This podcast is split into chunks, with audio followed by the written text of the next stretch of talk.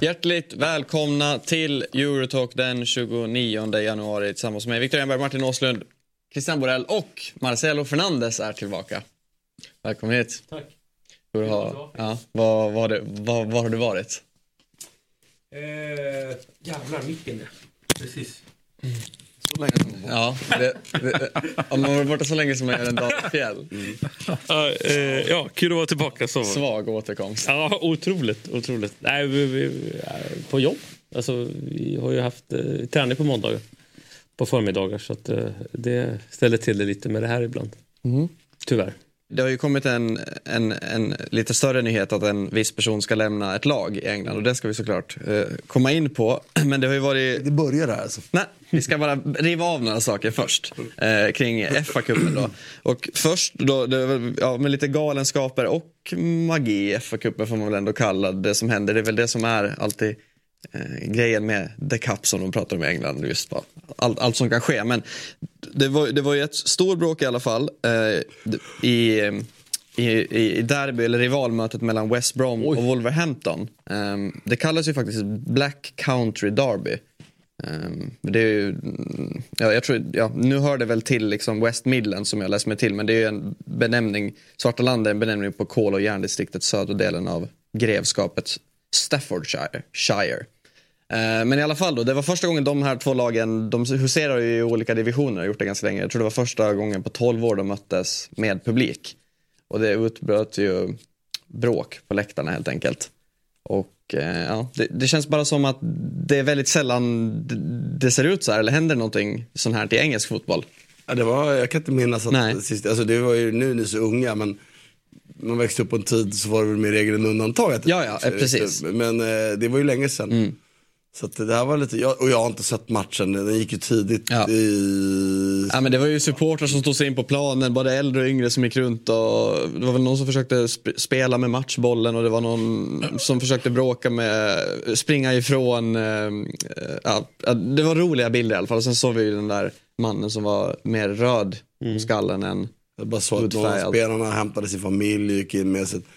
Ja, nej, det ska bli intressant att se efterföljet av det här. För Mm. det här är ju någonting som liksom England har varit på arenan rätt förskonade ifrån. Och så slåss ju de i samhället på ett sätt som liksom, ett, ett pubslagsmål. Det, det, det är min bild i alla fall. Jag har aldrig sett något live, ska jag erkännas. Men det finns ju en aggression där som ligger närmare till hands liksom, på något sätt. Rent generellt i samhället. Alltså eh, pub på pubbar och så vidare. Så att det, det kanske inte, men det ska bli kul att se hur de agerar För det här är ju liksom mer, mer man ser i Sverige eller södra Europa eller men det är ju ur, över, överlag så ser vi ju en, en, en det, det är ju våldsamhet kring fotbollsmatcher ökar just nu överallt i hela Europa. Men jag vet inte om jag har eh, felinformerad här eller blandar ihop. Men visst är det så att supporterna hamnar, eller supporterskarorna hamnar nära varandra för att det var kopplat till en ombyggnad? Eller? Har jag fattat fel? Ja, sen var det väl också, Så- det var det väl var lite liksom borta det supportrar är- på hemmasektionen också tror jag på något sätt som utbredde. Jag tror, om det var någon blandning mellan, mellan det i alla fall. Jag, jag, måste säga, jag är förvånad att inte ha, det har jag sagt också tidigare, jag har ändå sett en, mängder av eh, internationella fotbollsmatcher och jag tycker det liksom mest tydliga exemplen har alltid varit när man sett Champions League-finaler. Stämningen på läktaren är alltid, när det är ett brittiskt lag inblandat, har alltid varit mycket, mycket, mycket mer aggressivt. Jag har varit med om så många matcher när det liksom, jag ändå köpt ganska bra biljetter. Där har det varit där liksom personer som har gått från hållit på andra laget. Som har, jag minns en match när Barcelona slog Manchester United. Det var liksom, kan han ha varit, 30 år var med sin fru eller flickvän på där. Och liksom otrevligheten de behövde utstå av vanliga britter runt omkring. Jag tyckte det var helt sjukt. Liksom. Så här, helt, de hade gjort någonting. De satt där och kollade på Barcelona och jublade. Barcelona var väldigt mycket bättre än Manchester United i den matchen, ska tilläggas. Men, men ändå, 11 eller? äh, den i London de var med 3 Ja, de var ju helt över. 11 va? Ja, elva, precis, precis. För 09 i Rom. Ja, men jag bara, och där, och reagerat över alltså, att liksom, aggressionstonen är så otroligt mycket högre så fort det blir britter inblandade på fotbollsläktare tycker jag. Än, än alla andra matcher jag sett i finaler. Nu ser man ju inte så mycket, jag menar lagen som är i finalen, de är ju från ett fåtal länder. Så man har inte sett så många olika länder. Det finns ju många länder där det känns ännu värre. Men jag är bara förvånad att det inte har varit mer sånt där egentligen genom alla år. Alltså som vi har sett på läktarna. Men det har väl säkert också mycket att göra. Nu blir det här ändå två lag som, eller ja, Wolverhampton spelar ju i Premier League, men just också när det är FA-cupen och sådär är det ju inte lika mycket turister och så. Det är det kanske inte generellt på det Havtorns ändå, men just de stora arenorna och stora lagen, det är ju, ja, det är ju den, mycket den typen av... Så, och just då när det blir bortamatcher, de som reser, då är det ju mer ladsen som drar. Kanske. Och, och, kanske är väl lite, alltså jag tänker efter nu att det är faktiskt när man är där så läser man ju någon bråk som varit med bortasupportrar nästan varje helg. Fast det sker ju aldrig på arenorna utan det är alltid liksom, Ordnat utanför. ja jag menar med att det liksom blir slagsmål rent generellt runt pubbar när de reser liksom. Men sen har vi då också det här division 6-laget Maidstone United som tog sig då vidare till åttondelsfinal i, eh, i FA-cupen då efter man har besegrat Ipswich med 2-1 på bortaplan. Och eh, det som, de kommer då få möta i nästa omgång alltså vinnaren mellan Sheffield Wednesday och Coventry. Här har vi lite stats på matchen. Man, två goal attempts, två stycken. Shots on goal, två. Och man gör två mål. Snyggt. Det är så, Fotboll. så är det. Shots of gold 12-0. Tänk att ha 25 avslut men bara göra ett mål. Och 78 procents bollinnehav. Alltså det, är, det, är, det är ju svinmycket. Liksom. Om den här matchen hade spelats om tusen gånger, hur många gånger? Nej, de hade inte vunnit någon mer. Nej, jag tror inte. Men, men måste säga, ehm, jag, det som slog mig lite när jag såg Maidstone, jag har inte sett någonting från matchen, eh, och, men jag bara såg firandet i omklädningsrummet. Alltså, eh, division 6-lag, alla hade såna här GPS-västar och grejer. Man bara tänker så här, jävlar. Sex, Det är resurser har de ändå liksom. Det, är någon, det är någon gubbe där som har lite pengar som sa ja, men jag går in och investerar i det här laget. Jo, men vet du vad jag tänkte jag vidare på då? Jag faktiskt gjorde en liten sån här, nu är det en otroligt anekdotisk undersökning, men, ändå. Det var Division, eh, League One-lag. Som vi, vi följde av en anledning i studion. Och, Så då började jag prata lite och kolla lite, och kolla med agenter och kolla med några spelare. Så spelade vad, vad, vad tjänar en League One-spelare? Och snittlönen i, i, i League One trodde de låg någonstans runt, eh, eh, jag ska komma ihåg, kommer rätt där. 3 miljoner kronor om året. Så då liksom måste man sätta det i perspektiv. Liksom. Det är liksom mer än League One-spelare i snitt tjänar ju dubbelt vad allsvenskan Vad är gör. det, typ så 250 spänn, eller 250. Tusen i månaden, ja, något sånt. Alltså, det kan vara så att jag misskommer. Ja, Det är ju- alltså, det är ju mer än vad en allsvensk spelare tjänar. det är dubbelt Ja. i snitt. Och, och tänker jag så här, division, alltså, sjätte divisionen, så såg jag de här grejerna, de här, de här posten, att fan, de tjänar liksom. Ja, men ponera att de har Fan. 50 kakor. Ja, men de kanske Det är- tjänar det är 45 000 i månaden liksom. Ja. Jag vet inte. Någon som vet får gärna höra av sig. Jag tycker sånt där är otroligt intressant att, att se. Liksom. Men vad, sa vi att det här var sjätte divisionen? Sa du det? Va, alltså, Det var Viktor som sa, jag fick ingen aning. Vad är det typ såhär någon för Northern Conference? Eller Ja, så? det, de, de, de, de, de är i den södra eh, delen av det då, vad det nu heter. Precis. Det ligger, de, alltså, de kommer från Kent. Den här klubben bildades two, League 92. three Det, det, är, det är öster om, öster om London en bit. Nåväl, vi hoppar upp till Premier League då och eh, den stora nyheten och ändå chockbeskedet som kom, det var väl i fredags, eh, tror jag, fredags eftermiddag eller fredags lunch som Liverpool la ut en intervju med Klopp där han då berättade eh, i en video att han eh, kommer att lämna klubben efter säsongen helt enkelt och anledningen är att energin helt enkelt börjar ta slut. Han säger ju att det är inget problem nu men han vet själv att det är på sikt då, att han kommer väl behöva ta en liten paus. Eller att han, det sa han ju när han lämnade Dortmund också vill jag minnas, att då var ju tanken att han skulle ta paus om det var ett år gjorde eller han väl någonting. också? Han gjorde väl Ja, men det i några månader? Några månader, ja. för han tog ju över sen Liverpool, i- var det i november Mm. 15 eller vad det blir. För det blir ju nio år nu i klubben. Sa han att han skulle ta ett år paus då? Eller? Jag minns inte exakt, men hans, det var ju det han pratade om i alla fall, att han skulle ju ta, ta en paus. Men det var väl svårt att tacka nej sen när Liverpool... Så stort besked, absolut. Chockbesked. Jag kan inte känna att jag är jättechockad. För jag menar, han har suttit länge och, och vi, vi pratar ju ofta om pressen det innebär och, och, och, och ligga på max hela tiden. Så, att, och, så, så stor chock är det väl ändå inte. Möjligtvis timing Exakt, det är det man menar med chocken. Alltså, det är väl ingen som, jag tror det är få som inte förstår eller tycker att det är rimligt det han beskriver. Men tajmingen är chockartad. Alltså den kom nu och... Man, är ändå, man leder ligan, man är i final i ligacupen, man är kvar i FA-cupen, man spelar kvar i Europaspelet. Visst, det är Europa League. Fine om det hade bara varit under en lång tid nu, det hade bara gått tungt. Nej, men det, är så, Men det kanske är därför de har gått så bra också. Nej, men det, och det, spelarna har vetat om det här sedan november som det rapporterades om. Då. ja, jag tror inte de har vetat om. De måste, i så fall hade det väl läckt Ja, ut. Alltså, allt läcks ut idag. Ja, Jag tror inte det är klart. Jag tror spelarna fick veta den här veckan. Det är vad jag tror. Vet inte. Men det, jag ska säga var att det som får en att fundera lite, det är så många grejer man funderar kring det här. Det ena är ju, alltså i min värld så borde ju rimligtvis det stora jobbet ha gjorts i somras det här som är riktigt, riktigt jobbigt. Att börja om, bygga om, nöta in all metod och allting, liksom nya spelare, hitta ny balans, göra nytt lag. Och när man har gjort det, som han är på väg att göra, vi får ju se när det slutar här, vad det landar i, men känslan är ju uppenbart sån, sån att det, det, liksom, ja, men det, det här blir ganska bra i år, ganska fort. Och varför avgå då? då? Det får mig bara tänka att han vill avgå med flaggan i topp, att det är liksom viktigt för honom.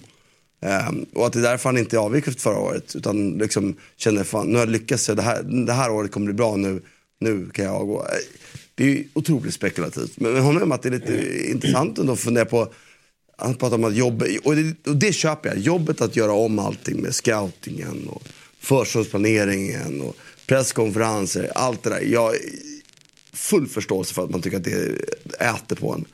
Men har man gjort det riktigt jobbiga förra sommaren och inte liksom vill...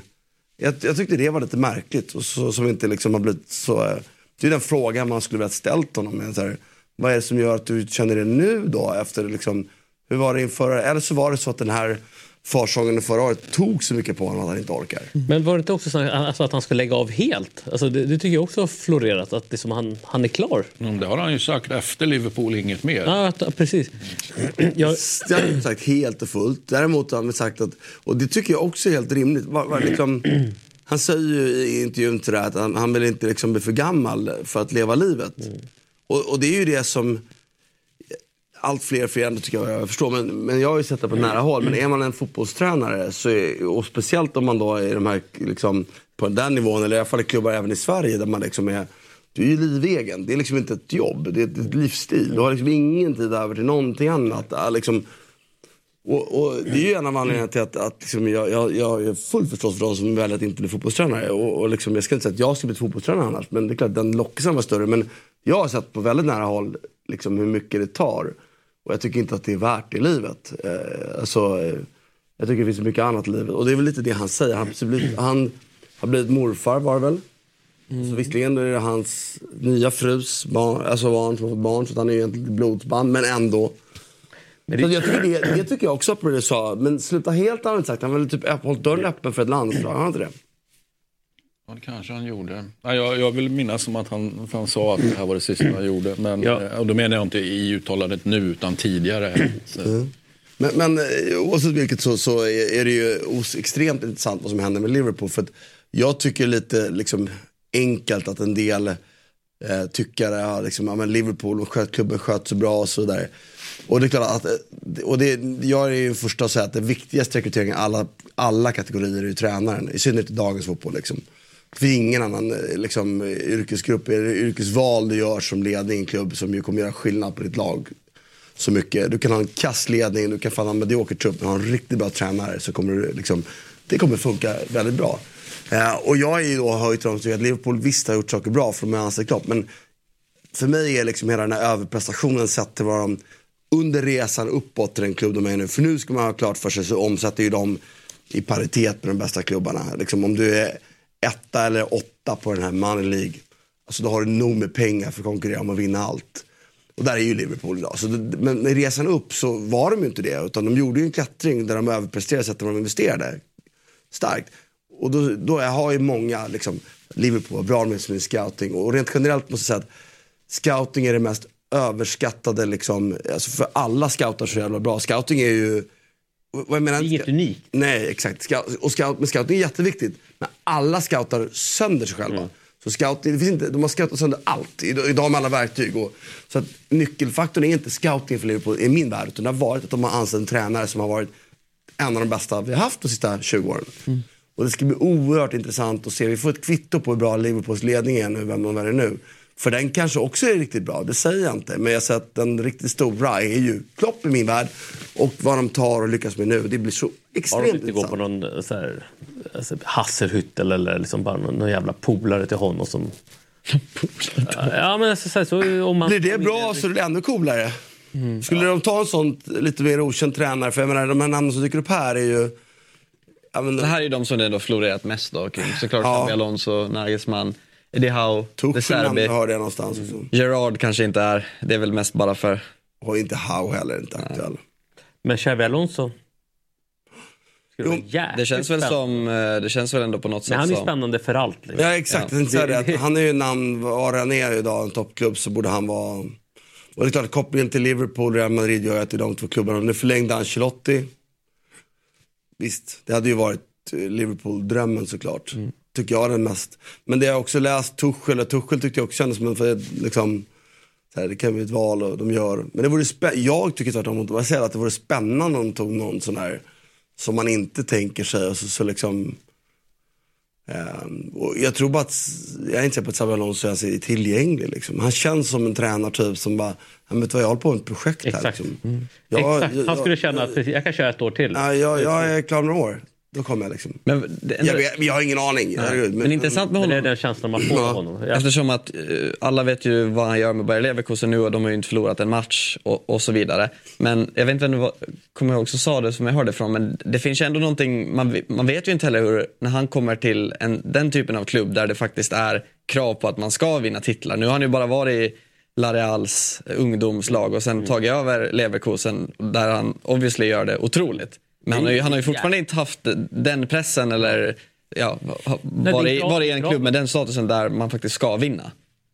Nej, det, det är ju... Man, kan ju, man kan ju hitta frågetecken i det också för det känns som att många direkt kavlar ut det som den givna. Sen är det ju liksom fan på den, så, men vinna matcher och, och så. Det andra som jag tänker på är ju att Eh, den identiteten liksom som Klopp har satt på laget och att man spelar liksom ett ja, men high tempo-spel och liksom det är press och det är, liksom, det, det, det är, som, det är ett böljande spel. Liksom, man ska ta det som någon form av identitet. Kommer ledningen liksom försöka hitta en, en tränare med en liknande liksom, idé, filosofi och bara liksom, bygga i eller blir det något något annat? Liksom? Blir det mer ett, alltså en possession-tränare, om du vill kalla det för det, liksom, som, som är mer kontroll? Ja, då är det ett annat Liverpool vi kommer se. Alltså, det alltså, ur ett, liksom, ledningsperspektiv tycker jag det är skitintressant. Alltså, vilken väg ska man gå? Alltså, om man, det är ju Eddie Howe en av de få tränare de här som verkligen spelar typ samma Ja. pressfotboll. Liksom. Alltså, De Serbi är otrolig med sin pressfotboll, men det är ändå possession-fokuserat. Ja. Serbi Alonso är ändå lite mer av en blandning. Mm. Alltså, det jag sett av honom i Leverkusen är att jag tycker han passar egentligen bara för typ alla klubbar. Mm. Ja. Precis. Då De Serbi kanske är svårare. Jag skulle inte se honom som en, liksom, om man vill behålla någon slags identitet på spelet och energin. Så jag- färgar ju inte han det. Nej, då är inte han det ska inte han ta över liksom. Även om det vore intressant av andra skäl. Men tyska tränare generellt, så säga, Nagelsmann, Tuchel skulle ju kunna liksom gå åt det hållet. Eh, det, det tycker jag. Ja, Tuchel, fan. Inte han. Nej, jag säger inte att det, men jag tror att han är på tapeten. Men, men man måste säga också att eh, sen, det är svårt att göra den bilden eftersom jag var så jävla ung på 80-talet. Men det man växte upp med och upplevde var att Liverpool var ju possessionlaget. Det var ju liksom artisternas Gick lag. inte att Liksom. bollen av dem. Nej, det var artisternas lag. Och lite så var det ju även eh, perioden på 90-talet när de Hollér. aldrig vann någonting. Nej, innan Hollér. Hollér blev ju, det förstördes. Men innan det, när de faktiskt hade ett lag med de här unga McManaman, Redknapp, Fowler, alla de här, Owen kom sen. Alla de kom där under en period. Så var de ju, även i matchen mot Manchester United, så var de ju spelförande laget alltid. Alltså det var ju en possession-fotboll som var liksom fokus för Liverpool. Vilket var anledningen till att jag, anledningen till att jag slutade kolla på Liverpool var ju mycket för att jag tyckte Olier var bedrövlig att se på. Liksom. Vann mer, men jag vill inte se det. Liksom. Jag vill ju se det här flödande som jag, min bild och mitt minne var att de på 80-talet var otroliga på. Liksom. Mm. Så att om man tittar på det återställandet, ja, då ska de ju gå mot något helt annat. Men jag håller ju med, de har ju byggt identitet av något annat nu. Liksom. Hur mycket, alltså, hur mycket skulle ni säga de här åren, hur mycket, hur mycket har han betytt för Liverpool som klubb då? Hur högt ska man hålla honom bland det med de tränarna i Premier League som... Som sagt, jag tror... Varför skrattar du? Nej, han är ju så otroligt lik en viss svensk politiker. Jag tycker att, som jag sa tidigare, att, att resan uppåt eh, eh, som Liverpool har gjort tror jag är Alltså, det hade varit nästan omöjligt med väldigt många andra tränare. Så jag tycker att han i den aspekten är, är alltså, betydelsen av hans gärning i Liverpools historia, nutida historia, den går liksom inte att eh, alltså, skattas nog. Alltså, han har varit fundamental för den här klubben. Uh, med det sagt, och det slog ju mig när vi summerade vår sändning i fredags, när man började summera antalet titlar. Det är rätt lite för någon som är så uppskriven. Och jag håller honom extremt högt. Vad har vi då? En Premier League, en Champions League, eller två Champions League, ja. en Champions League. Och några cup, ligacup. Men det är ju den givna jämförelsen Ancelotti. Jag, tänker, jag såg också när det summerades, jag tänker direkt, okej, okay, Ancelotti i Milan. Eh, och så har vi den här diskussionen, ligatitlar kontra europeiska mm. framgångar. Det är lite grann samma här då. Säg att han skulle missa ligatiteln den här säsongen. Mm. Då landar han efter åtta år, precis som Ancelotti, på en ligatitel. Och en Champions League-titel. Jo, och en ligatitel framför tomma läktare. Mm, så att, eh, och det tycker jag ändå, det sticker ändå ut, för, för tänker jag i alla fall då, inte för att vara negativ, men att, och med all respekt för de europeiska framgångarna, skulle inte siffran ett vara mer än ett? Jo, men har inte det bara att göra med att det finns en Pep Guardiola? Ja, exakt. Det finns ju anledningar till att det har varit svårt att vinna. Jag fattar också det. Men... Alltså, han har ju varit kryptonitet. Alltså, han, han har ju... Jag fan, då är han ju bara en titel bättre än Benitez. Det är som Rafa Benitez titlar, men det var ju fan han som eh, kammade hem den där eh, med en jävligt risig trupp. Alltså. Lika många Champions League-titlar som Di Matteo. Mm. Nej men sen är jag ju då eh, som bekant eh, liksom ganska, eh, ingen stor vän av det här binära titlar eller inte titlar utan man måste titta på mer än så tycker jag. Och mm. Ingenting kan få mig att säga att det här har varit en enastående tränargärning som ur ett historiskt perspektiv kommer liksom ses som en, en väldigt stor gärning. Men man måste kunna nyansera bilden så att en titel, eh, ligan, en Premier, eh, Champions League-titel, i och för sig två förlorade finaler då, och liksom det, det, det, det är ett extremt bra facit, men, men, man kommer ihåg det också kanske. Och det är kanske så man ska tänka på det. Att egentligen så är Pep Guardiola bara det bästa vi någonsin haft. Det går inte att jämföra med liksom hur Premier League var för slutet av 90-talet, början av 2000-talet. För Premier League idag är en annan varelse. Det här är världens bästa liga. Det var det inte under de här åren när, när Alex Ferguson vann så mycket. Det, det, måste man också bära med sig. Och det, det är väl bara så att sorry, Ronaldo, Messi, Zlatan, alla bakom fick inga guldbollar. Ja, men ni gick upp mot fel tid liksom. Och sånt är det ibland liksom. Mm. Eh, och Pep Guardiola är ju, tycker jag, eh, liksom tidernas bästa fotbollstränare liksom. Mm. Vi, vi lämnar England där då och tar oss till Italien. Vi har en trippel att presentera även denna måndag tillsammans med Common som precis lanserat en ny sportsbook med riktigt grymma odds. Och Sabri, lotsa mig igenom vad du har plockat fram. Ja, lite besviken att du inte sa att jag satte min förra eh, trippel. Ja, jag, vill, jag vill inte ge dig för mycket hype. Nej, men vi har, det är Midvik i Premier League och där har vi hittat två matcher här på tisdagen. Eh, dels är det Luton mot Brighton. Mm. Eh, där eh, Luton kommer från en fin match senast, Brighton också. Eh, men Luton gör ofta mål på hemmaplan oavsett motstånd. Eh, då kanske de inte vinner varje match. Så där tror jag att båda lagen gör mål. Eh, sen är det ju eh, Aston Villa Newcastle. Där Newcastle, tre raka matcher nu där jag tycker att de spelar riktigt, riktigt bra. Men här tror jag på hörnorna. Så att båda kommer kunna skapa ganska mycket hörnor. Så över 9,5 hörnor i den matchen. Och den tredje matchen på på kupongen hittar vi från de eh, afrikanska mästerskapen. Oh. Eh, Marocko mot eh, Sydafrika. Där eh, jag tycker att oddset på ettan är eh, riktigt fint. Eh, så där tror jag att Marocko vinner. Och slår ut Sydafrika. Ja, det tror jag. Mm.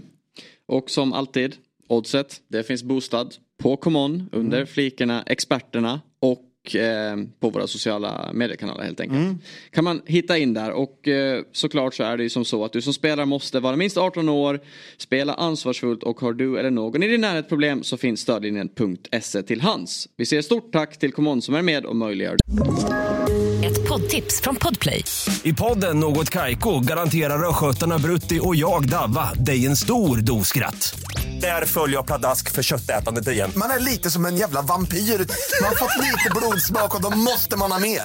Udda spaningar, fängslande anekdoter och en och annan arg rant. Jag måste ha mitt kaffe på morgonen för annars är jag ingen trevlig människa. Då är du ingen trevlig människa, punkt. Något Kaiko, hör du på Podplay. Därför är gardinerna. avsnitt. Bologna gillar du ju och de spelade på bortaplan mot Milan i helgen. Det, Det blev var också en ganska 2-2. rolig match ju. Mm. Och Christian, du twittrade eller exade ut två låtsasstraffar för ett låtsaslag. Ja, det var ju lite grann den här, alltså dels eh, man sitter och följer den där och det var ju verkligen två låtsasstraffar i min värld då. Som man fick. han- armbåge-handen i ansiktet det är inte straff. Vilken var den andra då? Jag kommer inte ihåg just nu. Där och då eh, var jag het på den i alla fall. eh, och det har ju att göra med det här om man tror på det här. Vi, vi, Martin och jag är ju oense här till exempel och jag inser att jag är oense med rätt många andra. Men jag känner att det finns någonting här eh, som, som alltså jag kan inte sätta någon, någon statistik eller någonting sånt på det utan mitt bekymmer här är ju att och det är min fasta övertygelse att någon har brytt sig om statistik alldeles för mycket när man har konstruerat det här laget och byggt ett lag som jag inte tycker sitter ihop liksom och som, som viker ner sig på, på ett sätt som jag inte gillar. Är inte det lite Pioli då? Förlåt? Är inte det lite Pioli då? Ja, det, det är Är det Milan du refererar till nu? Ja. Alltså jag, jag, personligen tycker jag att Pioli känns som att han har nått lite vägs ände liksom. Ja, men det är ju rätt många som ska byta. Alltså, Thiago Motta lär ju inte stanna i Bologna. Eh, Alltså, det, det, jag tittar faktiskt på vägen hit och så Men det, var ju, igenom det här var ju en rolig match att se. Ja, men det kan jag, det kan jag tycka att den Chansrik åt båda håll och, och sådär. 2-2 är väl ändå rätt rättvist. Och, Det är sådana här matcher som blir så här eh, för en tränare i, i en alltså Det här blir ju som en arbetsintervju. Det blir alltså så här, vad gör res- resultat, alltså Thiago Motta liksom, mot den här laget? Det, det är ju att spela liksom så här bra fotboll mot liksom lagen i samma region. Det, det är väl kanske ett första, liksom, men sen måste du ha några prestationer mot liksom, toppskiktet som eh, sticker ut prestationsmässigt men också resultatmässigt. Alltså, som, som får man liksom för att kunna vara aktuell för sådana lag. Eh, och den har väl visat i år. Ja, nu har man ju dock inte vunnit på fyra. det är fem va? Ja, det är fem. Mm. Senast man vann var på dagen innan julafton mot Atalanta. men har man ju presterat, alltså spelmässigt har vi pratat om, men man har ju spelmässigt presterat under tiden man inte har vunnit. Så att jag drar inte speciellt stora växlar eh, på, av det liksom, utan eh, då nöjer jag mig med prestationen, även om det är klart att man måste börja vinna förr eller senare. Men, alltså, men båda, liksom båda, båda lagen stod ju för en ganska bra prestation. Det är ju några spelare som verkligen, jag tycker Cirkse är otrolig. Alltså, jag älskar den spelartypen som är så komplett, droppar ner, spelar tia och gör saker. Och sen går han i djup i det. Jag tycker att det är, Han gör ju faktiskt vad han vill, eller det är min absoluta favoritspelare just nu. Så här, lite, om man inte tittar på de här super, superstar-stjärnorna. Liksom. Nej, men jag tänkte komma in på honom lite ändå, för, för de som kanske inte tittar så mycket på Bologna och följer ändå topp, toppfotboll. Börja eller kollar göra Premier det League. Ja men precis, nej men jag menar bara, alltså hans namn har ju börjat florera runt ganska mycket och ryktas med de största klubbarna egentligen. Vad, Är du på Cirkse eller är du på Motta? Eller vad är? Cirkse. Cirkse, ja. Och det Vad- vad- vad, vad- båda. ja, ja, men, ja, precis. Men vad, alltså, du beskrev lite, men vad, Nej, vad är men, det för en alltså, typ av en sån här match till exempel, så som det, det faktiskt är rätt jämnt bollen och båda lagen är rätt bollskickliga, vill ju, vill ju ändå hålla bollen. Så Bologna fick ju inte det där spelarövertaget som de alltid har. Och, eh, jag bara tycker hans ständiga rörelse, hur han är i bollinnehavet, hur han också droppar ner, liksom, hela tiden rör sig droppar ner vid spelbar. Men ändå alltid med och kan liksom, avsluta. det. Så jag tycker rörelsen är oerhört intelligent och det är väl en måtta förtjänst skulle jag vilja påstå. Eh, till stor del. Och att, att man dessutom då är väldigt, väldigt trygg med bollen i alla typer av lägen. Det att är det små ytor som en tia så hanterar han det väldigt bra med snabba beslut och släpper bollen. Eh, har han Rafaleaos power när han går iväg? Nej det har han ju inte. Men han har ändå en power när han kommer iväg. Liksom. Så han går i djupled, tyngd och kraft. Det är ju... Eh, Och är ju smartare än Leao. mycket smartare. Ja, det här är en jättesmart fotbollsspelare. Och återigen, liksom smartare från början än vad Leao kommer bli. Men också en, en måtta-grej tänker jag att ändå är. Liksom. Sen vet man ju inte med en spelare som är så pass ung ändå. Även om man är 22 eller 23 år så, 01 då, tror jag. ja, så är det ändå så här. Du, vet, du kan ju ha egenskaper när 19-20-åring som du inte fått utveckla under en tränare. Så när det kommer en annan tränare så exploderar de. Det behöver inte bara vara den tränaren som känns. Men mycket känns ju ändå måtta tycker jag. Liksom, i det här.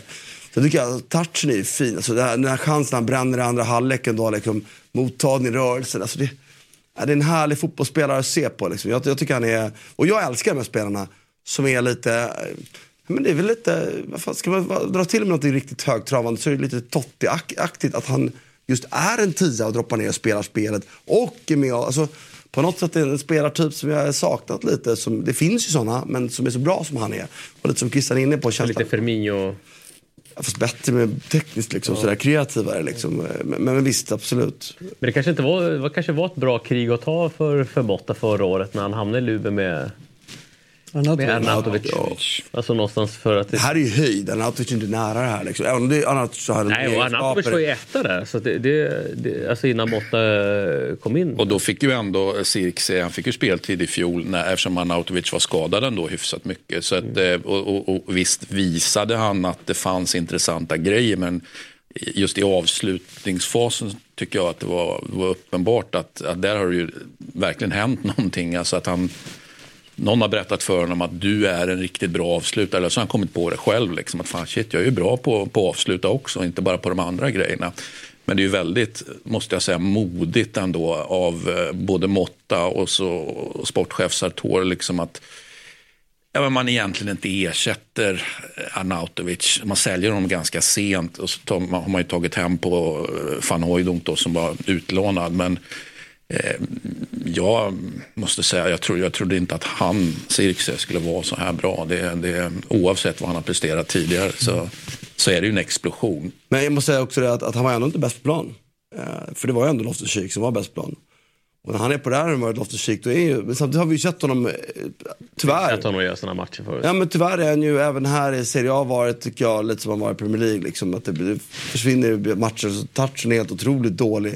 Men som han var igår, nej, lördags var det? Lördags. Ja. Då var han ju faktiskt otrolig, faktiskt. Och bättre än Sirkse, får man säga. Det andra Milano-laget då, Inter. Eh, man slår ju Fiorentina med 1-0 av Taro Martinez målskytt och nu har man alltså gått obesegrade i 15 eh, Serie A-matcher. och det, bara en gång tidigare så har man tagit så här många poäng, 54 stycken efter 21 spelade omgångar.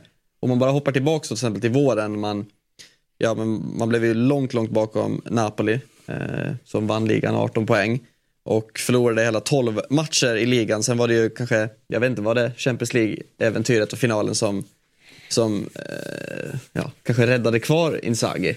Ja, det kan man ju men, har du, men, men såg, du, såg du den här utvecklingen den här säsongen framför dig Christian?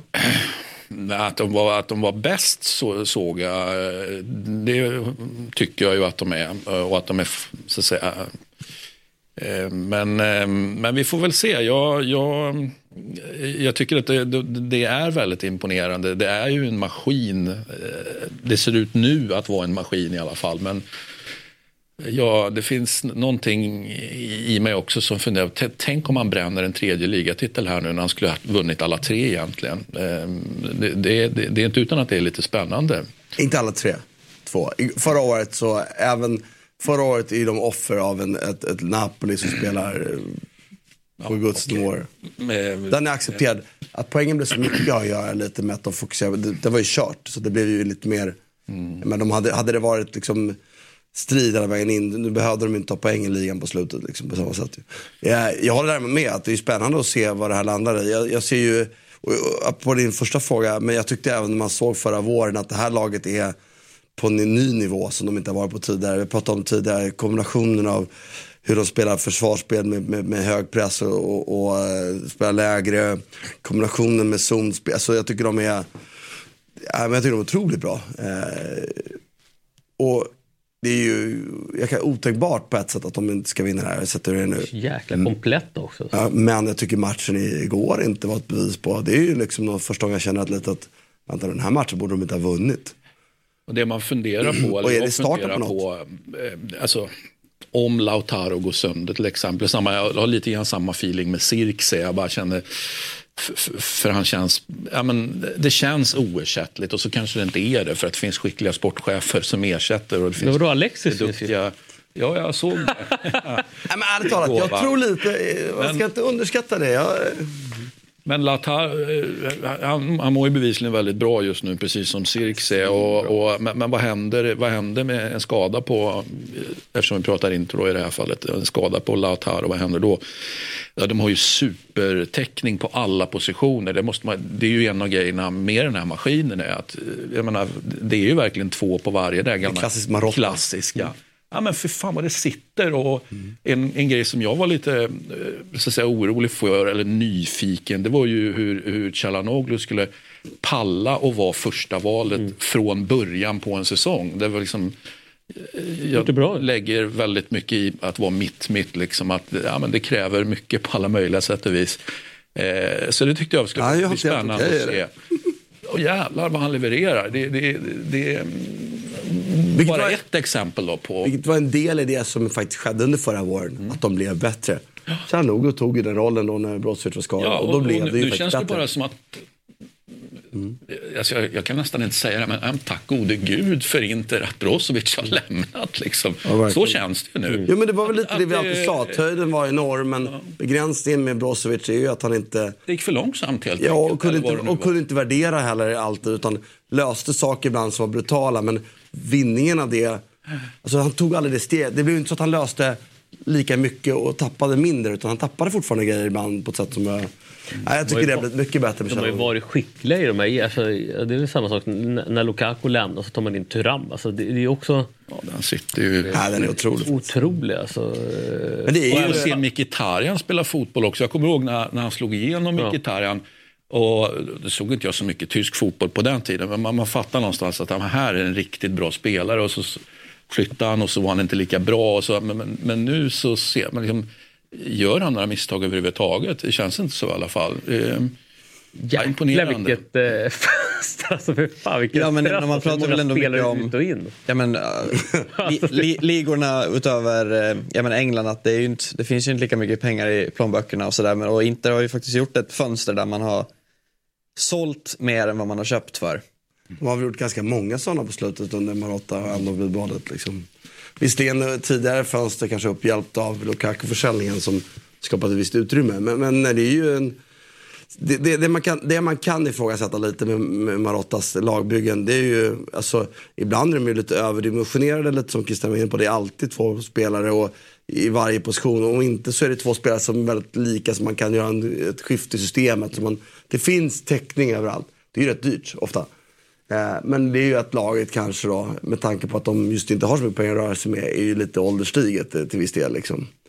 Men det har man ju hanterat år efter år och sådär på ett sätt som är... Eh, för det är ju inte första säsongen under Marotta de har varit lite ålderstigna. Men, men men är det han som ska tillskrivas eller är det den här sportchefen? Alltså, alltså det är, sport, det är sportledningen. Auxilio var ju där innan Marotta så jag skulle nog säga att... eh, att Marotta. Marotta. Mm. För det är också, är det väl inget fel på. Han är säkert en duktig scout och allt det där. Men han är ju ingen förstegubbe. Han, han fick ju under en, lite kortare period chansen som förstegubbe för, no, för några år sedan. Liksom. Men han, han pallar ju inte riktigt det. Även om det kanske var ett dåligt moment att få det i då. Så är det ju uppenbart att Marotta liksom är, är, är ju absolut på en annan nivå. Det, det, är ändå- det är en framgångsfaktor någonstans att ha alltså, lite ålderstiget lag alltså med, med erfarenhet. Man kan titta på i truppen är sådana, så, men vilka har man med förtjäningspotential? Alltså, så här, vilka kan man casha in på så småningom? Det är väl... Så eh, när, när, när, när säljer man Lautaro eller blir han kvar och blir liksom legend i, i, i klubben? För det är väl där som är... Det är väl den spelaren som skulle kunna casha in Turam eventuellt också. Eh, det finns väl kanske säkert no, no, några till. Liksom. Men annars är det ju liksom Mkhitaryan. Ja, det är liksom, gör mycket pengar där, gör mycket pengar på sektion. Nej, det tror jag inte. Utan det är ju liksom... Sen får man ju komma ihåg att de har ju en, en väldigt fin ungdomsverksamhet där det kommer en strid ström av spelare. På vilken nivå kan man alltid diskutera, men på en hyfsad nivå. så de kan sälja sen till andra. Exakt, sidan. jag säger inte att de ska in i, i en första elva, men, men om vi tittar på listan här till exempel. Ja, för det var det du noterade. du- Det är många som säljer. Och, och, och det finns ju som sagt var eh, intressanta spelare som är utlånade nu. Jag tänker till exempel Oristanio i Cagliari som ju ser, nu är han skadad precis, men ser ju jätte, jättefin ut då, bara för att ta ett exempel. Och med det sagt, jag tycker inte gör eh, liksom, eh, otrolig, igår var de inte så bra. Jag tycker faktiskt Fiorentina förtjänar fall minst ett kryss. Eh, men de ska möta Atletico Madrid. Eh, och Atletico Madrid är också på väg uppåt tycker jag. Så där jag kanske tyckte att det inte var klar favorit för någon, någon månad sedan så uff, det blir tuffare. Och sen blir de ju inte av med Juventus. Även om Juventus kryssade helgen. Med, och det var ju starkt. Mot Empoli, som vi pratade om. Ja, ja, men Miliks tidiga utvisning efter var det, 15 minuter. Jag såg inte själva utvisningen, men liksom... Alltså det, det, vad jag förstod så var det ändå rätt. Så, så de blir ju inte av med Juventus. Juventus är med där. Och mycket avgörs ju på söndag. Alltså, eh, vinner inte den, då har de ju skapat ett bra utrymme när det blir tuffare. För det tror jag att det är skönt att ha lite. En tuff liksom, period, de går in med fler matcher. Då är det skönt att ha lite mer kudde mot Juventus ändå. Liksom.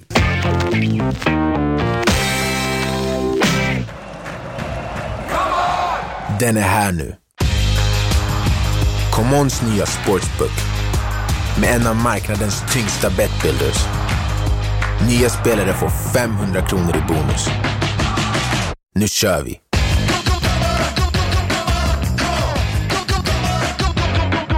–18 plus. Regler Ett poddtips från Podplay. I fallen jag aldrig glömmer djupdyker Hasse Aro i arbetet bakom några av Sveriges mest uppseendeväckande brottsutredningar. Går vi in med hemlig telefonavlyssning och, och då upplever vi att vi får en total förändring av hans beteende. Vad är det som händer nu? Vem är det som läcker? Och så säger han att jag är kriminell, jag har varit kriminell i hela mitt liv men att mörda ett barn, där går min gräns. Nya säsongen av Fallen jag aldrig glömmer på Podplay. Villkor gäller.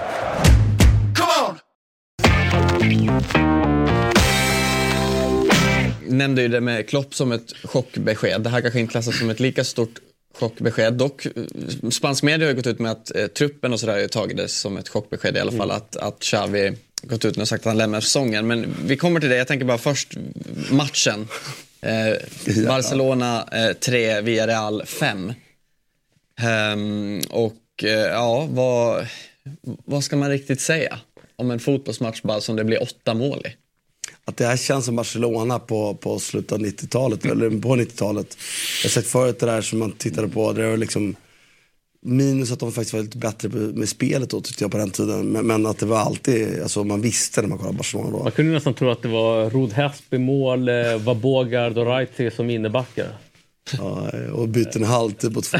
Ja. Och så kom Okoronko in. Och så. Men efter de gör 3-2, att, att tappa därifrån, det, det Ja, men det där 4-3 målet också. Vi ska också komma ihåg att det, det, Ja, det, men är att det ju, ens blir 3-3 först, då kände, då kände jag att du springer. det är ju också ett dåligt VRL, alltså sett över hela säsongen. Alltså det, det är ju inte liksom ett VRL som vi har sett tidigare år som är eh, som, är som, som, som när Unai Emery var där. Det, det är ju liksom ett, det är ju en svag upplaga, även om de har gjort några liksom härliga rekryteringar med Komesanja, med nummer fyra och Sörlott, så, så är det ju liksom en, det är en lite svagare utgåva skulle jag ändå vilja säga. Liksom. Capo kom in och spelade fotboll som han gjorde som han var bäst Ja. han kom fram i Frankrike. Liksom, dribblade och bröt. Och... Så att det, Men sen, och sen också, som jag ändå upplevt att Barca har ju inte varit speciellt bra under nu en ganska lång tid. Men man har ändå lyckats få med resultat med sig. Man har ju vänt matcher och kommit därifrån med poäng. Och så kände man ju nästan här också. Och sen blir det som det blir nu.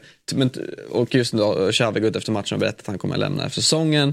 Eh, han, han skrev ju på då eh, under förra hösten, han hade ju kontrakt då från början till 2024 men nu är det till 2025 och jag läste någonting om också att det, han har gått med på att han kanske inte ska, eller på något sätt förlika kontraktet då, att han inte kommer få all lön utbetald och så vidare. Men tror det var resultatet också som gjorde att han på något sätt snabbare kom till det här beslutet och gick ut med det. Hade man... Ja, men det måste Ja, det väl vara, vara. eller? Eh, Det, det går väl inte att se Nej. på något annat sen, sätt. att Sen, det sen, sen är det ju andra spanska medier som jag läste också som rapporterar att han egentligen hade nästan bestämt sig lite redan efter den här supercup-förlusten mot eh, Real eh, runt jul eller när det nu var. Ja, det är ju spekulativt. Det kan, Mm. det kan det ju vara. Liksom, känslan spontant var ju liksom att han kanske hade någon form av ultimatum. Alltså så här. Eh, och sen bad han om att få liksom slutföra säsongen. Det jag tycker är konstigt i hela det här det är ju ändå liksom att de har ju liksom en, en tidigare bråkstake som sitter och styr det här i, i Deko som någon form av sportsligt ansvarig sportchef som också var en av spelarna som man knuffade undan när Laporta liksom i sitt lagbygge började liksom gick in mot Guardiola-eran och byggde om liksom, så var det ju den spelaren man knuffade, knuffade undan. Så det är intressant att han är liksom inne och, och fingrar i, i, eh, i det där. Jag vet inte liksom eh, med, med, med Xavi. Om det hade varit någon annan än Xavi som just ja, har den statusen han har i klubben. Hade den tränaren fått eh, vara kvar resten av säsongen tror du? Jag vill tro det, men, men det är klart att det, alltså, så här, jag är helt säker på att det har påverkat såklart i positiv riktning för Chaves del. Det, vore, det hade hade varit nästan orimligt på ett sätt. Valverde kickade dem ifall de låg etta. Man, man skulle ju önska att det inte hade påverkat, att man såg det på renodlat som en gärning det faktiskt är. Men här, är ju inte, här kan du ju också väga in att det är ändå liksom, sittande ledningsval till tränare. Liksom, nästan ett så här, triumferande val av tränare. Så att, att, att sparka honom är ju faktiskt att samma sak säga att man har underkänt sig själv. Så på ett sätt blir det här en ganska bra exit för dem, alltså för ledningen. Han avgår. Alltså, men skulle det här fortsätta bli ett problem under våren, att de liksom är- åker ut med Napoli och svårt och så vidare, då, då, då, han har ju köpt tid nu. Och, och truppen har köpt tid. Det jag tycker också är klokt gjort av liksom honom och klubben att, att, att gå ut med det här. För det, det blir lite mer lugn och ro. Liksom. Du slipper lite den vinklingen att, ja men ska han vara kvar? Men det håller ju bara i sig i ett antal matcher till. Skulle det fortsätta gå dåligt så kommer de ju börja prata om att han ska gå nu. Liksom. Att, eh, Jag, jag, jag landar lite i så när man summerar, det är klart att det fanns frågetecken när han kom in och, och det pratade vi om här. Jag kanske var mer pro än, än övriga här i, i panelen till Xavi. Och jag, alltså, så här, när jag ja, men summerar- provar vi alla, vi vill ju att det ska gå Ja, vi vill. Men jag, jag landar i det så när man, när man summerar hans tid någonstans att han någonstans, eh, det, så, så det, det är min liksom reflektion någonstans att han eh, kom in i en jäkligt tuff period. Post-Messi, eh, som bara det. Sen post eh, Busket som, som eh, var betydligt svårare att ersätta än vad man liksom trodde från början. Eh, det är min fast, fasta övertygelse. Men att han kommer in i en period, i en tuff period, ger unga spelare chansen, fortsätter på det Koman gjorde tidigare med, med ge un, unga spelare med eh, chansen och eh, föder tillbaka någonstans en tro till katalanerna och till klubben. Alltså, och, och det genererar i en ligatitel. Eh, sen lyckades vi liksom, hade han inte förmågan kanske att liksom följa upp det och, och fortsätta liksom rida på den, på den vågen. Sen om det var liksom en, en överprestation av målvakten eller liksom en, någonstans, de landade i ligatitel efter några jobbiga säsonger. Eh, och sen har man inte liksom lyckats ta, ta det vidare och hade liksom miss, misslyckande i, i Europa förra året eh, där det kanske var mer, liksom, för mig låg mer kanske på en Lewandowski än, än på, på, på Xavi. Men man åker ut i Europa i två gånger om, eh, gör man väl. Till och med. Så att det är väl lite så jag summerar att han kommer in och gör en punktinsats för klubben som han älskar, som han växte upp i under en tuff period eh, och gav lite hopp och sen får nästa tränare eh, behöver få ut mer av det materialet för det går att få ut mer, absolut. Eh, och, så. och det blir väl intressant att se vad, de gör i sin rekryteringsfas. Pratas om tyska alternativ. Eh, pratas om Nagelsmann, pratas om Tuchel. Tuchel är ju... Tuchel och Nagelsmann är alltså överallt. Ja, men Tuchel verkar ju vara dunderkåt på alla jävla jobb och bara... Jag får bara en osympatisk liksom, eh, känsla av honom. Liksom, så, så att, honom vill jag inte ens se. Liksom, så. Men för mig är det ju så att Arteta är ju, om man jämför honom med eh, fan, Rafa Marquez där till höger poppar upp. Eh, Som just nu då är reservlagstränare Ja, i precis. Barcelona. Barcelona Athletic som de heter. Så är ju för mig Arteta den mest färdiga om man jämför honom med, med Motta. Eh, Motta finns ju den här brasse, eh, brassekopplingen till, till Deco eh, som gör att han liksom, det är väl inte omöjligt att han får liksom, det, det giget. Men för mig är Arteta han är mest färdig. Sen pratas det ju faktiskt lite om så här, ah, är Michel ett alternativ? Lite prematurt. Eh, Alguacil pratar de också jäkligt varmt om. Alltså eh, där nere. Så och, och det känns också så här, mm, nej, snackar om Real Sociedad. Real Sociedads Ja. Mm. tränare. Och det är som att gå i spåret med Valverde och eh, Kiki Setien när man valde som en sån, en sån gubbe. Eh, det Alguacil har till sin fördel det är ju faktiskt det här att han har gjort hela vägen att han det här med egna produkter som är viktigt i, i Barca och, och, och liksom varit ungdomstränare och det är de spelarna som han nu tränar i eh, La Reals A-lag nu. Liksom. Så det är väl därför att, att, att han ligger högt upp. Men för mig eh, Sen har, sa ju du tidigare Martin, just Xavi Alonso är aktuell för alla jobb. Och så, han skulle ju fan vara perfekt här också. Liksom. Alltså, Men det hoppas jag att han inte tar, inte för att jag inte vill ha en Barcelona utan därför att jag tycker att det ska klubbtillhörighet på Real Madrid, det ska betyda något liksom. Jag tycker verkligen att det får liksom inte Även om även att han skulle vara fantastisk där. Så skulle hoppas. Jag hoppas ju därför mer på, på Motta. Arteta har ju också kopplingen dit ändå. Liksom. Eh, Klopp är svårt att se liksom, för det är en annan typ av fotboll. Så det, vet jag inte om jag vill ha ens. Men, men sen har det ju nämnts Serbo. Jag tycker det vore otroligt spännande.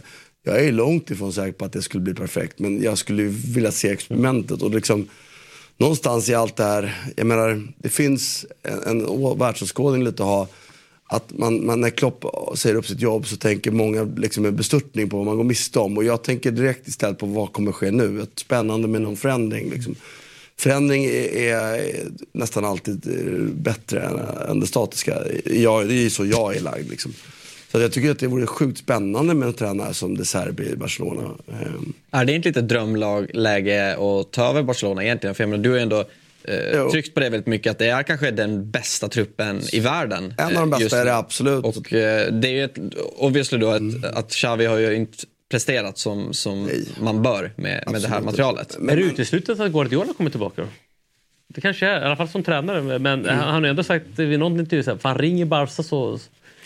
Nej, det hade ju varit Det hade varit för fantastiskt sanslöst. spännande. Alltså vi kittlar. Gör Ja, det är exakt på det här med spännande. Det- Och så, ja, det har varit otroligt kul. Men annars, om, om jag tittar på de namn som nämns så är ju mitt val Motta. Jag, kan ju, se- jag vill bara säga att alltså, på den här bilden då, på de här kandidaterna, vi ser här är ju, det här är ju de som just nu är oddsfavoriter helt enkelt.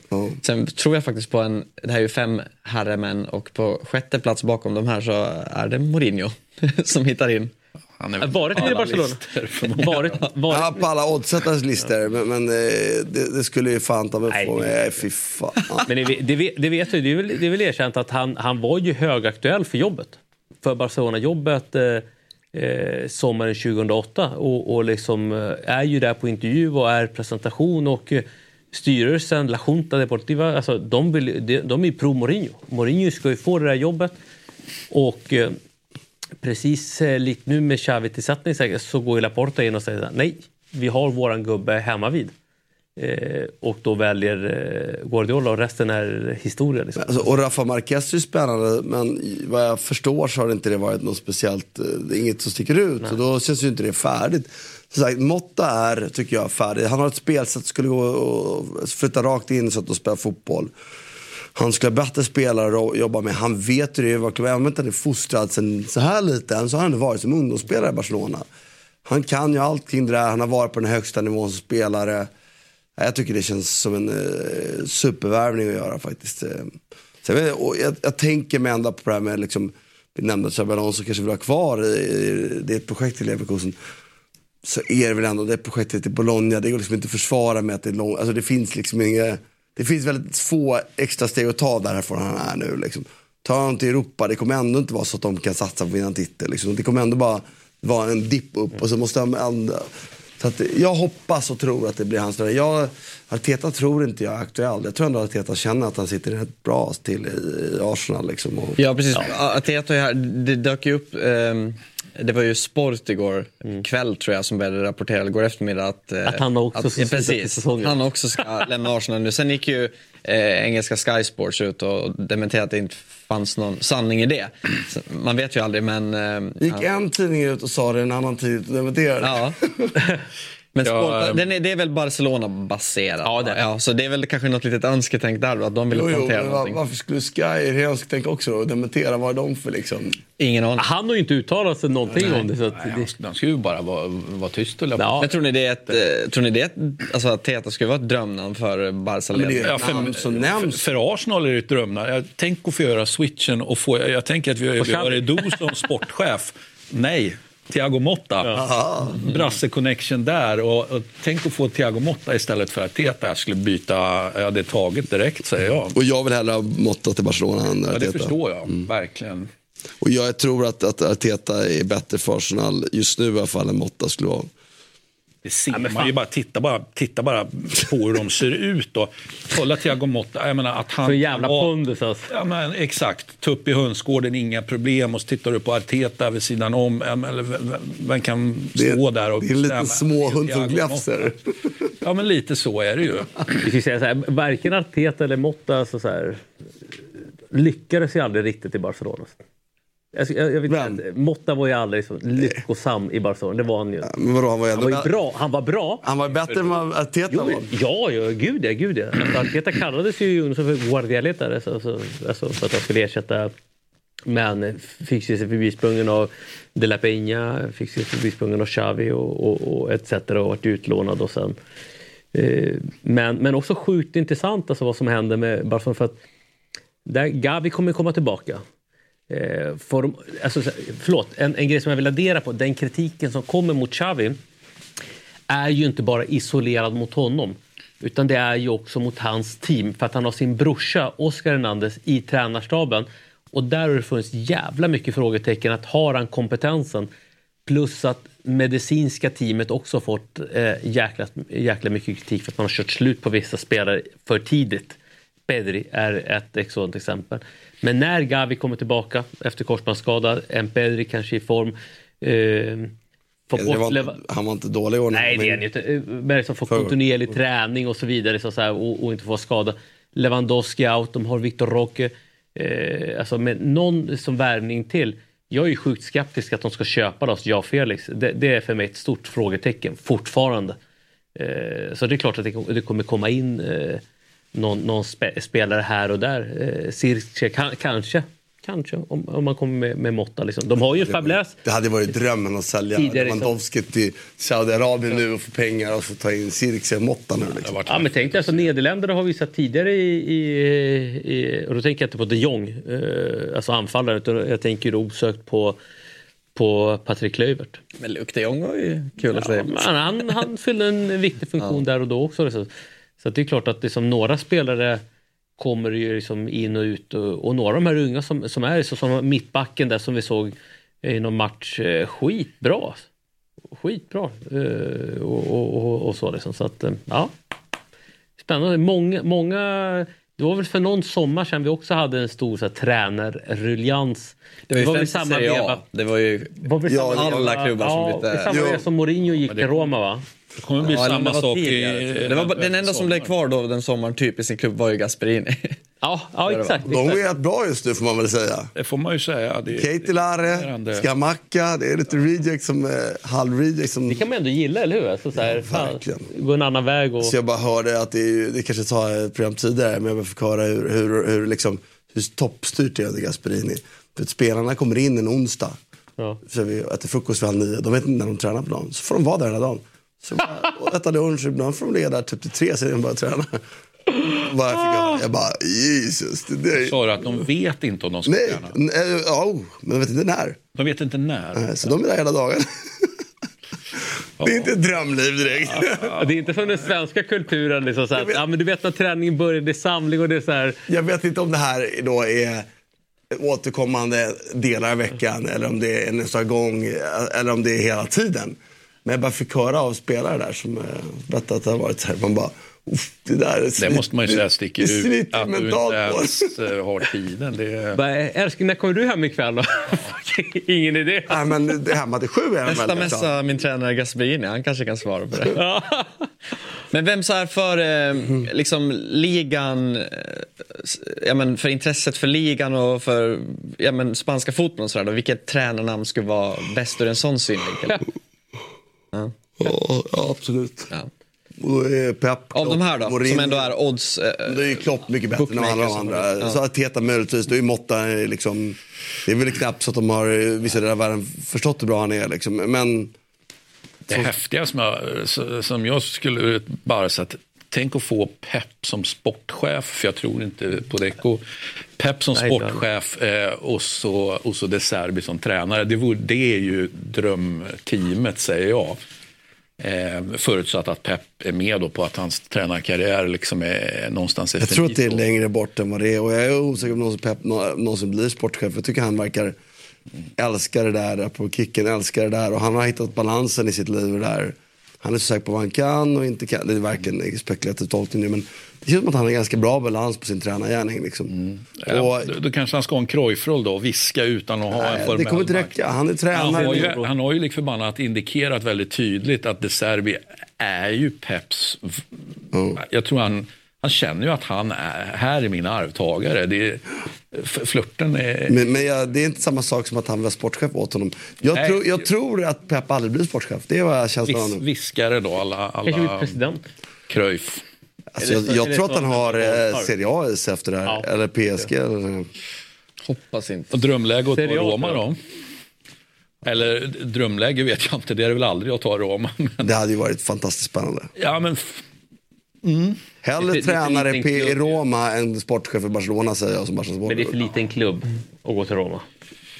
Det Nej, för... påven bor i, i Rom och, och vi vet att- inte hur mycket pengar Fredkin har. Och, eh, mm, det, och han har bott där tidigare. Ja, ja, ja, ja precis. Har man varit i Rom så är det svårt att inte vilja återvända.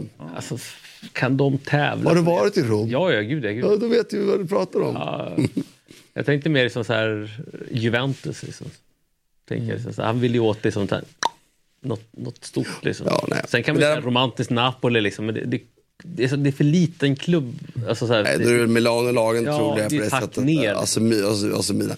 Oavsett vilket. Jag, jag, det, jag, är- det är väldigt spännande att se. Jag hoppas ju, jag tror ju att, eh, att Motta ligger väldigt, väldigt bra till ändå. Jag tror att det känns det, som det rimligaste valet. Om man tar ett namn som etablerad. Det kan lika vara någon som inte är det. Då, Avslutningsvis då, vi har ju eh, pratat om det, ja, precis jag skulle komma in på det här. Ja. Tydligen har det här skrivits, rapporteras precis nu då från Expressen, eller Avdic, att AIKs eh, talang som vi har pratat om här, vi, det, det har blivit lite så att man har, man prat, det pratas ju om Jona Kusiasare då, Lukas Bergvall som det på, något, på nytt igår då ryktades om, och Sonko då. Men Lukas Bergvall som Fabrizio Romano twittrade om igår att det fortfarande är på gång med, med, med Barca och att det handlar om ja, men en 7 miljoner euro plus 3 miljoner i bonusar och att det i så fall kanske skulle bli till sommaren. Att det verkar vara som då Deko som vi pratar om. Eh, Det är han som vill, vill värva Lukas. Men eh, nu verkar det i alla fall som att eh, det blir, kan bli Bayern München då för Jona Kusiasare som gjorde två mål i helgen när AIK Men det här är bara på väg. Det här är inte, det är inte liksom... Det är Nej. inte bekräftat att det är så. Eller? Nej, Det står ju då AIK och FC Bayern München är överens om en övergång gällande anfallstalangen Jona Kusiasare. Prislappen landar på 60 miljoner kronor med bonusar. Händer inget oväntat där planet. Han reser till Tyskland i veckan Så för att skriva jag, på. jag såg matchen mot BP eh, som AIK spelade. BP var bättre spelmässigt. BP är ju det lag som spelar. AIK har ju egentligen fyra målchanser och gör två mål. Hans mål är inte supersvåra men det är distinkt avslut.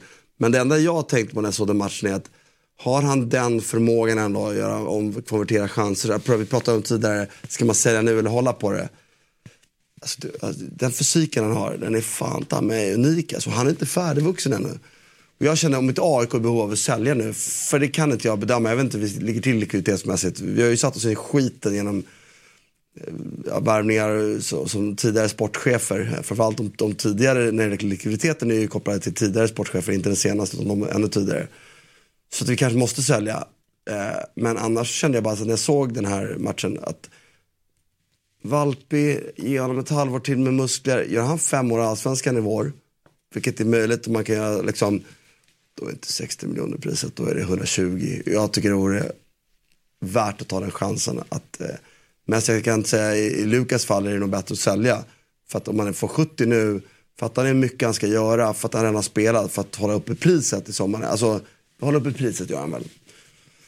Vänder man på det och kollar på Jonas läge och Lukas läge, vad fan, det har vi pratat om tidigare. Alltså, går man till de där klubbarna, du får en utbildning, du får chans att vara på nivå och träna. Kör. Ja, exakt. Du har väldigt lite att förlora och du får bara inte bli fast där. Men det blir man ju väldigt sällan idag. Liksom. Men ta Ödegård-caset. Alltså Ja. han, han går ju från Eller. Ströms... eh, Ja, eller Isak. Går från Strömsgodset eller fan vad, vad de heter till Real Madrid. Är där, gör någon träning, gör något inhopp. Eh, utlån och så landar han i Arsenal. Enda Alltså, skillnaden med, med, med både Isak och Ödegård att båda de två var etablerade stjärnspelare i sina toppligor. Medan vi pratar om Sonko får väl ändå bedömas vara det. Men både Som nu då verkar vara klar för Genk eller Schenk, eller vad man säger i Belgien. Både Jona och, nej, Lu- Be- Häck. både Jona och Lukas har ju inte etablerat, Lukas mer än Jona, men Jona har ju inte etablerat sig i Allsvenskan ännu. Det vill säga, det kanske finns någonting mer i det. Och jag kan inte bedöma det riktigt, om det skulle vara något värdet. För jag menar, är man, vad man Ödegård var, då måste man ju flytta. Är man 16 år och ordinarie när man bättre spela i ligan. Det vi pratade om tidigare, liksom, när du är ung spelare på väg upp, men när du går över snittet av kvaliteten på ligan, då är det faktiskt du som drar upp snittet. Det är ju en enkel matematik. Då bör man när man är ung och har exponentiell chans till utveckling flytta direkt. Där var ju både Isak och Ödegård. Där är ju inte de här ännu. Så det, jag tycker inte den stressen i, i AIKs fall behöver heller vara där. Jag, jag skulle nog gärna se att man... Men återigen, jag vet inte hur jävla tajt det är med likviditeten. Liksom. Nej. Men det, är ju, det känns ju bara, jag vet inte om ni såg. Har man, är man 1,95, 6 Ja. och inte färdigvuxen, gör två månader träningsmatch. Alltså jag ser ju liksom, gör, gör 16 bast, gör man fem mål i allsvenska nivåer, lägger på sig tre fi- kilo muskler till, växer någon centimeter till. Inte fan är det 60 miljoner vi pratar om då? Eller? Då är det 100, vad sålde de nu? Han som gick från Bodö nu, som är 23. Sålde väl honom för 100 liksom. Jag menar, hade, hade Kusiasar tillhört en dansk klubb, vad tror du prislappen hade varit just nu då? Ja, men högre. såklart. Men det är ju inte, det är inte vi som gör någonting fel. Bara, ja, det är ju för att den ligan är rankad högre. Det är ju rimligt liksom. Vi måste ju, och det, det är för lite sådär, det vore ju bra om vi kunde hålla spelarna något halvår till i de här fallen för att komma lite till. Men samtidigt så är det ju igen det här med, med risk för att priset faller. Men i det här Det fallet också- tycker jag att det kunde vara, det jag kände i helgen i det här fallet, vänta nu, han är inte färdigvuxen. Du ser han rör sig. Han har inte liksom, där Men jag tycker det är intressant att du nämner att det är, liksom, det, det, är olika för individer. Alltså, jag, jag gillar ändå jämförelsen med Lukas Bergvall och uh, Sonko. Alltså, det, det, det, är, det är olika. Det, alltså, då kan man, så att man inte bara fastnar att de är unga och det är åldern. Och så, därför så, det, det är unika case. Han har ju knappt gjort några allsvenska minuter. Uh, Bergvall var väl inte helt ordinarie förra året. Uh, Sonko mer. Men det, det jag skulle säga att Sonko är den jag mest... Han har ju också visat upp sig i Europa. Ja, Sonko är den jag verkligen ska sälja. Sen så... Och då laddade han skänk, alltså Belgien. Och det tror jag är ett ganska bra mellansteg. Liksom. Och vem, och vem kommer att värva honom då? Ja, det blir antingen Atalanta eller Bologna. För Ja, det, om du sant. kollar hur många Mm. skänkspelare som Sartori... Så han stackaren kommer aldrig få veta när han kommer hem från träningen? Nej, precis. precis. Eller när träningen Jag vill börjar. verkligen betona att jag vet inte hur sant det är att det händer. Jo, Jo då, jo då. Att det, det att det, det vet jag. Du har lyssnat på en lite kortare variant utav Eurotalk i och med att du har poddlyssnat. Om du vill se hela programmet så finns vi på Dobb-TV. Eurotalk alltså där för 49 kronor per månad, årskort 599 kronor. Eller om du vill så finns vi på Youtube där du klickar in ett medlemskap och det kostar 89 kronor per månad. Där ser du oss live men också hela långa programmet. Men du har alltså som sagt var lyssnat på podcasten, en timme lång ungefär. Men om du vill ha hela så går du in och bällar för det. Tack för att du lyssnar. Thank you.